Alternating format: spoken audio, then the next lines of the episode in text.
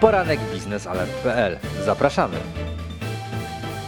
Szanowni Państwo, jest 13 maja 2019 roku. Nazywam się Wojciech Jakubik i zapraszam na poranek biznesalert.pl.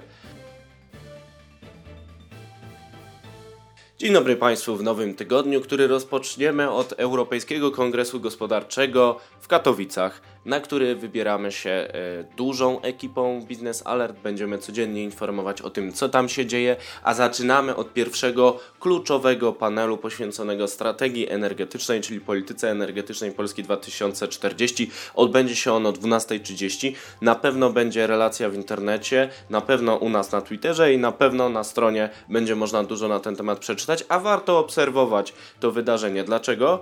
Ponieważ Podczas tego panelu rząd ma przedstawić projekt strategii energetycznej po konsultacjach. W krótkim felietonie publikowanym dzisiaj o 7.30 pisze, dlaczego to jest istotne. Wiceminister energii Grzegorz Tobiszowski powiedział, że rząd w trakcie tego panelu po raz pierwszy przedstawi uzupełniony projekt po korekcie konsultacyjnej, która była dla rządu wyzwaniem. I ten projekt mamy właśnie poznać na panelu. Zobaczymy, co w tym projekcie będzie. Czy będzie dalej atom, ile tego atomu będzie, czy będą odnawialne źródła energii w większej ilości. Wszyscy czekają na odpowiedź na ten temat, więc zapraszamy do śledzenia Biznes Alert w okolicach południa.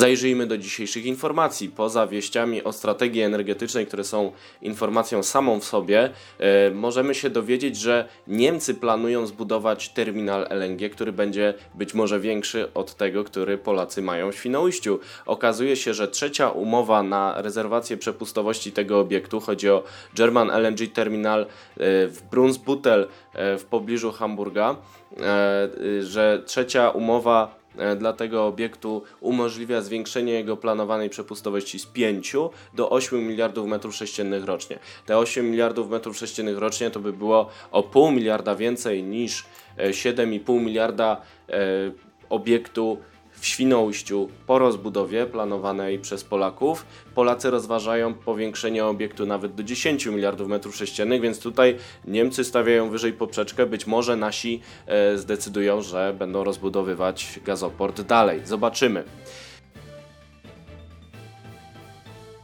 Ważna informacja z rządu. Zbliża się rekonstrukcja. Według Pulsu Biznesu przesądzone jest opuszczenie rządu przez pełnomocnika do spraw programu Czyste Powietrze Piotra Woźnego. E, sam zainteresowany mówi, że jeszcze nie miał okazji o tym rozmawiać z osobami z otoczenia premiera. Zobaczymy, czy minister do spraw smogu straci stanowisko. Puls biznesu raczy nas kolejną bardzo ważną informacją. Według y, gazety ustawa o rekompensatach dla firm energochłonnych ma już prenotyfikację Komisji Europejskiej. Sprawę komentuje cytowana przez gazetę Jadwiga Emilewicz, stojąca na czele Ministerstwa Przedsiębiorczości i Technologii. Jesteśmy gotowi do wprowadzenia rekompensat. Projekt przeszedł już procedurę prenotyfikacji w Komisji Europejskiej. Musimy jednak poczekać na ostateczne uzgodnienia dotyczące ustawy cenowej opracowywanej przez Ministerstwo Energii. Przypominam, że chodzi o drugą ustawę, czyli tą e, o rekompensatach cen energii dla gospodarstw domowych. Ta także musi dostać e, notyfikację Komisji Europejskiej. Zobaczymy, czy rzeczywiście tak będzie.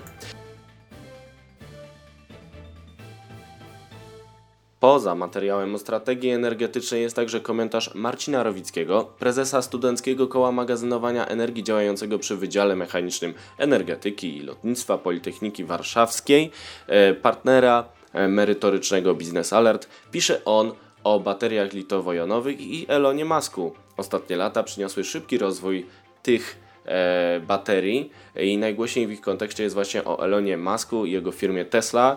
E, w realizacji projektu wykorzystuje ona właśnie baterie litowo-jonowe. Jak one działają? E, te swojskie technologie e, przedstawia w szczegółach właśnie prezes Rowicki i zapraszam do lektury jego tekstu. Polecam także moją rozmowę z Maciejem Woźniakiem, wiceprezesem PGNiG-u, który opowiada o tym, w jaki sposób firma odbiła warszawskie autobusy z rąk Gazprom Germania i jakie ma dalsze plany ekspansji na rynku LNG nie tylko w dostawach gazu, ale także e, w sektorze transportowym.